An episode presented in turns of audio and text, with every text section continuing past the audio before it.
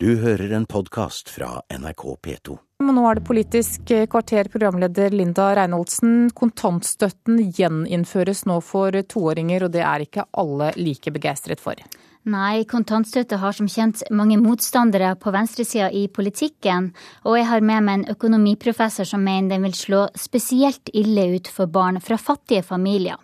Og så har jeg med meg en som nesten aldri kommer til Politisk kvarter.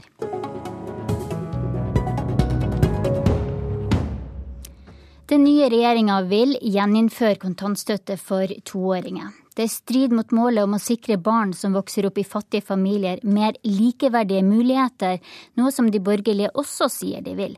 God morgen, økonomiprofessor Mari Rege ved Universitetet i Stavanger, med oss fra Stavanger. God morgen. Du skrev det her i en kronikk i Dagens Næringsliv før helga. Hvorfor er det så spesielt ille for vanskeligstilte barn med kontantstøtte? Det er fordi at kontantstøtte vil gjøre at mange vanskeligstilte barn ikke vil få gå i barnehage. Og det er uheldig, for et godt barnehagetilbud som gir barna et trygt og stimulerende læringsmiljø, det er, er det mest effektive virkemidlet for å gi vanskeligstilte barn bedre muligheter til å lykkes. Både internasjonal og norsk forskning viser at et godt barnehagetilbud fører til at vanskeligstilte barn senere presterer bedre på skolen, samt at flere fullføre videregående skole, ta høyere utdanning og lykkes på arbeidsmarkedet. Men hva er det med akkurat kontantstøtte som fører til at denne forskjellen som du var inne på mellom barn på skolene senere øker? Så Kontantstøtten den bidrar til at mange av barna som har størst utbytte av å gå i barnehage, de får ikke gå i barnehage. Og vi ser jo at eh, fattige familier, familier med lav utdanning og familier med innvandrerbakgrunn, de er spesielt overrepresentert blant de som mottar kontantstøtte. Det betyr at kontantstøtten bidrar til at barn starter på skolen med forskjellig læringsgrunnlag.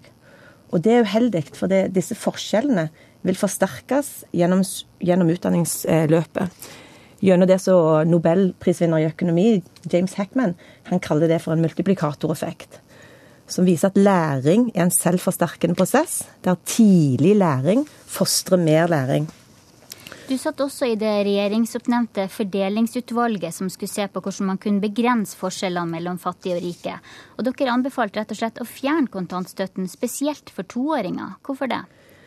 Eh, ja, altså Fordelingsutvalget mente at den omfattende forskningen som viser de store positive virkninger av barnehage, det betyr at innsatsen for å gi barn like muligheter til å lykkes i utdanningsløpet av arbeidslivet, må begynne allerede i barnehagen. Fordelingsutvalget påpekte at kontantstøtten bidrar til at mange av barna som har størst utbytte av å gå i barnehage, ikke får gå i barnehage. Og på denne bakgrunn så konkluderte utvalget med at kontantstøtten ikke støtter opp under en politikk for å ta vare på de svakeste, og sørge for at alle barn får like muligheter. Kort, eh, syns du de borgerlige er litt naive etter de mening når de både vil ha kontantstøtte og bekjempe barnefattigdom? All, all, kunnskap tilsier at hvis regjeringen virkelig er opptatt av å gi vanskeligstilte barn bedre muligheter til å lykkes, så er det mest effektive virkemidlet å sørge for at de vanskeligstilte barna de får gå i en god barnehage. Og Da er det bekymringsfullt at de i stedet gjennomfører politikktiltak eller planlegger å gjennomføre et politikktiltak som tar de barna som ville hatt størst utbytte av å gå i barnehage, tar de ut av barnehagen. Her i studio i Oslo så har jeg med meg Geir Jørgen Bekkevold og Rigmor Aaserud, familiepolitiske talspersoner for KrF og Arbeiderpartiet. Velkommen hit. Bekkevold, kontantstøtta er jo KrFs store hjertebarn. Atter en gang må dere altså forsvare den. Hva tenker dere om de erfaringene som har gjort som viser at spesielt barn fra fattige familier kan få, få det vanskeligere senere pga. kontantstøtta? Eh, jeg har lyst til å begynne med å si at jeg kommer aldri til å snakke ned betydningen av gode eh, barnehager og betydningen av hvor mye utbytte barn kan ha av å gå i barnehage. Eh, men det som jeg savner litt i disse debattene her, sånn, og for så vidt også i denne kronikken som, som vi kunne lese før helgen, det er den erkjennelsen av at ingen barn er like, og ingen familier er like. For noen barn så er det helt ålreit å begynne i barnehagen når de er ett og to år. For andre barn så kan det være for tidlig.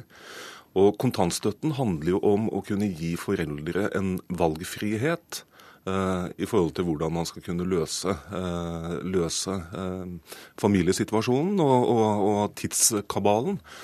Eh, og jeg tror også at dette handler om å kunne ha litt tillit til eh, foreldre. Tillit til at eh, de vet best hvor skoen trykker, og at de vet også best hvordan de skal kunne løse tidsklemma si. Og vår oppgave er å legge til rette slik at denne valgfriheten er der. Men at det kan være barn som har godt utbytte av å gå i barnehage, det er jeg helt enig i. Og jeg tror istedenfor å fjerne en slik ordning eh, for alle, så bør vi heller se på hva slags tiltak kan vi sette inn eh, for å hjelpe disse barna, og for å kunne gi disse barna de samme mulighetene som andre barn. Rigmor Aasrud, du er mest kjent som administrasjons- og fornyingsminister, men akkurat nå så er du blitt familiepolitisk talskvinne for Arbeiderpartiet på Stortinget. Gratulerer med ny jobb. Tusen takk for det. Stoler du ikke på at familiene sjøl kan klare å velge de beste løsningene for barna sine? Jo, det gjør vi, men jeg tror ikke å innføre kontantstøtte for alle toåringer vil eh, bidra til at man gjør de beste løsningene. For det vil være en del eh, familier som har lav inntekt, særlig i innvandrermiljøene, som eh, det vil være økonomisk fordelaktig å bruke kontantstøtta istedenfor å ha unga sine i barnehage. Og det vet vi at vil være ganske krevende for de barna, særlig fordi mange av dem vil bli, få en dårligere språkutvikling. Og språk er utrolig viktig for at du skal kunne lære og henge med på skolen når du begynner på skolen. Det er en av grunnene til at vi er eh, skeptiske til å innføre kontantstøtte for toåringer. Det andre er jo at eh, vi trenger folk i arbeid i Norge. Kampen om arbeidskrafta kommer til å være veldig viktig for oss og da, i tida framover. Og da er det ikke bra at vi sørger for at så mange kvinner, for det blir kvinnene, blir ute av arbeidslivet så lenge. Vi vet i dag at fem av seks som tar ut kontantstøtte for ettåringer, det er kvinner. Og hvis du da blir borte fra arbeidsplassen din i opptil tre år, så vil det være vanskelig å komme tilbake igjen i arbeidslivet. Det vil hindre deg å og, og få en god utvikling på arbeidsplassen. Så det er mange grunner til at kontantstøtte for toåringer ikke er et godt uh, tiltak. Uh, Bekkevold, når bekjemping av barnefattigdom er så viktig for dere i Kristelig Folkeparti, uh, hvorfor går dere da samtidig inn for tiltak som til nå har sett ut til å forsterke ulikhetene? Jo, men vi har også pekt på hvordan vi kan uh, løse de utfordringene som ligger i dette. her, sånn, Bl.a. med å innføre uh, gratis eh, barnehage i barnehagens kjernetid for de barna som trenger det. Så jeg tror at det går an å sette inn tiltak som ivaretar disse barna, uten at vi dermed fjerner en, eh, en tillitserklæring, som egentlig kontantstøtten er, eh, overfor en hel gruppe foreldre. Og så viser det seg jo også at eh, når det gjelder, når det gjelder kontantstøtte for toåringer, så går jo antall barn som da er hjemme pga. kontantstøtten, går drastisk ned. Men, men, for Kristelig Folkeparti så er det for så vidt ikke kvantiteten, altså hvor mange som bruker dette som er det viktigste, men nettopp det her med at foreldrene kan få denne valgfriheten. Men dette her går det an å finne gode løsninger på. Jeg vet at i Oslo, i flere bydeler, så har man prøvd dette med gratis eh, barnehage i kjernetiden, og de har gode resultater knyttet til det. Og jeg tror at flere kommuner godt kunne prøve ut den modellen for å imøtekomme de barna som trenger det. Og Barnefattigdom det er noe vi kommer til å sette inn eh, mange tiltak på. og Jeg håper at vi får den eh, nye regjeringen også med på det.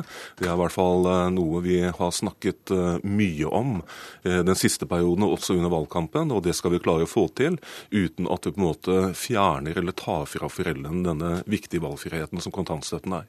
Åserud, gratis kjernetid i barnehagen har jo fått flere eh, barn med innvandrerbakgrunn inn i barnehagene, og det har man sett positive langtidsvirkninger av. Viste at man kanskje kan ha flere tanker i hodet på en gang?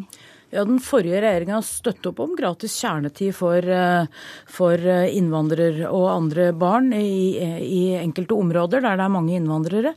Men jeg må jo spørre Bekkevold, da. Tenker man at man fortsatt skal ha kontantstøtte dersom man har gratis kjernetid i barnehagen? Og hvis ikke, hvem er det da som skal bestemme at barnet ditt skal få gratis barnehage og ikke kontantstøtte? Her syns jeg man ikke akkurat lar folk få en valgfrihet hvis man skal gå inn for den type ordninger. Men uh, gratis barnehage kan være veldig gode tiltak for en del grupper, og det er et tiltak som jeg syns er interessant. Uh, og det er mer interessant enn å utvide kontantstøtteordningen.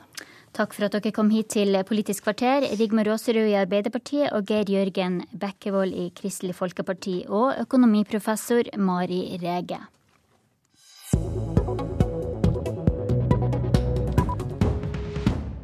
Onsdag denne uken tiltrådte den nye regjeringen. Elisabeth Aspaker er vår nye fiskeriminister. Merk dere navnet, for dere kommer ikke til å høre fra henne på fire år. Elisabeth Aspaker, velkommen hit. Takk skal du ha. Fiskeriministerposten ble, som vi hørte, med vitser i, eh, i Nytt på Nytt sist fredag. Men er det noe i det? Nei, vet du hva? Dette er faktisk eh, Norges tredje viktigste eksportnæring. Eh, den sysselsetter over 40 000 mennesker i Norge. Vi eksporterer sjømat til 130 land. Vi, for, vi, vi, gir mat til 36 millioner mennesker hver dag i verden med norsk sjømat. Dette er en stor og viktig næring, og jeg har virkelig som ambisjon både å være synlig, tydelig og sørge for at denne næringa gis de beste vekstmulighetene i årene fremover. Hvordan konkret vil kysten merke forskjellene på deg og din forgjenger Lisbeth Berg-Hansen? Ja, altså Jeg kommer til å være en ambisiøs eh, fiskeriminister på den måten at vi ønsker å forenkle. Vi ønsker å gi bedre rammebetingelser for å få lønnsomheten i næringa eh, opp å stå. Vi vet at særlig, særlig eh, foredlingsindustrien sliter. Så her ønsker jeg en tett og god dialog med næringsaktørene. Og så må vi i fellesskap utmeisle en, en bærekraftig strategi for en næring som betyr så mye for så mange lokalsamfunn. Når fisk er så viktig næring, det er jo vår tredje viktigste eksportnæring, øh, men likevel så får det ikke særlig mye spalteplass i riksavisene, heller ikke sendetid her i NRK. Er vi journalister i Oslo altfor navlebeskuende, tror du? Ja, Det vet jeg ikke, men jeg syns det er veldig synd at denne næringa ikke får større oppmerksomhet. Og det er en utfordring for meg som statsråd på dette området. Og hvis man går litt utover landet, hvis man går til de større regionavisene langs kysten, så får den mer spalteplass. Men jeg er opptatt av at vi må si, få ut mer informasjon om hva næringa faktisk betyr. Eh, vi skal utvikle ny teknologi. Eh, fiskerinæringa skal lære av eh, offshorenæringa. Og så skal vi på en måte gjøre dette til ei enda viktigere næring i fremtida enn det næringa er i dag. Og Da håper jeg at både NRK og riksavisene skal oppdage at dette er interessant stoff for kongeriket. I den politiske plattforma så står det at regjeringa vil opprettholde leveringsplikten for inngåtte avtaler, men knytte denne plikten til ulike regioner framfor enkelte anlegg og kommuner. Hva betyr det? Kan det bety at det blir færre arbeidsplasser på land? Nå har jeg vært fem dager i statsrådsstolen, knapt nok det. Og dette er blant de mer kompliserte spørsmålene som det er viktig at vi nå finner gode svar på. Så jeg, som jeg sa i sted, jeg ønsker en dialog med næringsaktørene. Jeg kommer til å invitere meg ut, og jeg kommer til å invitere dem inn.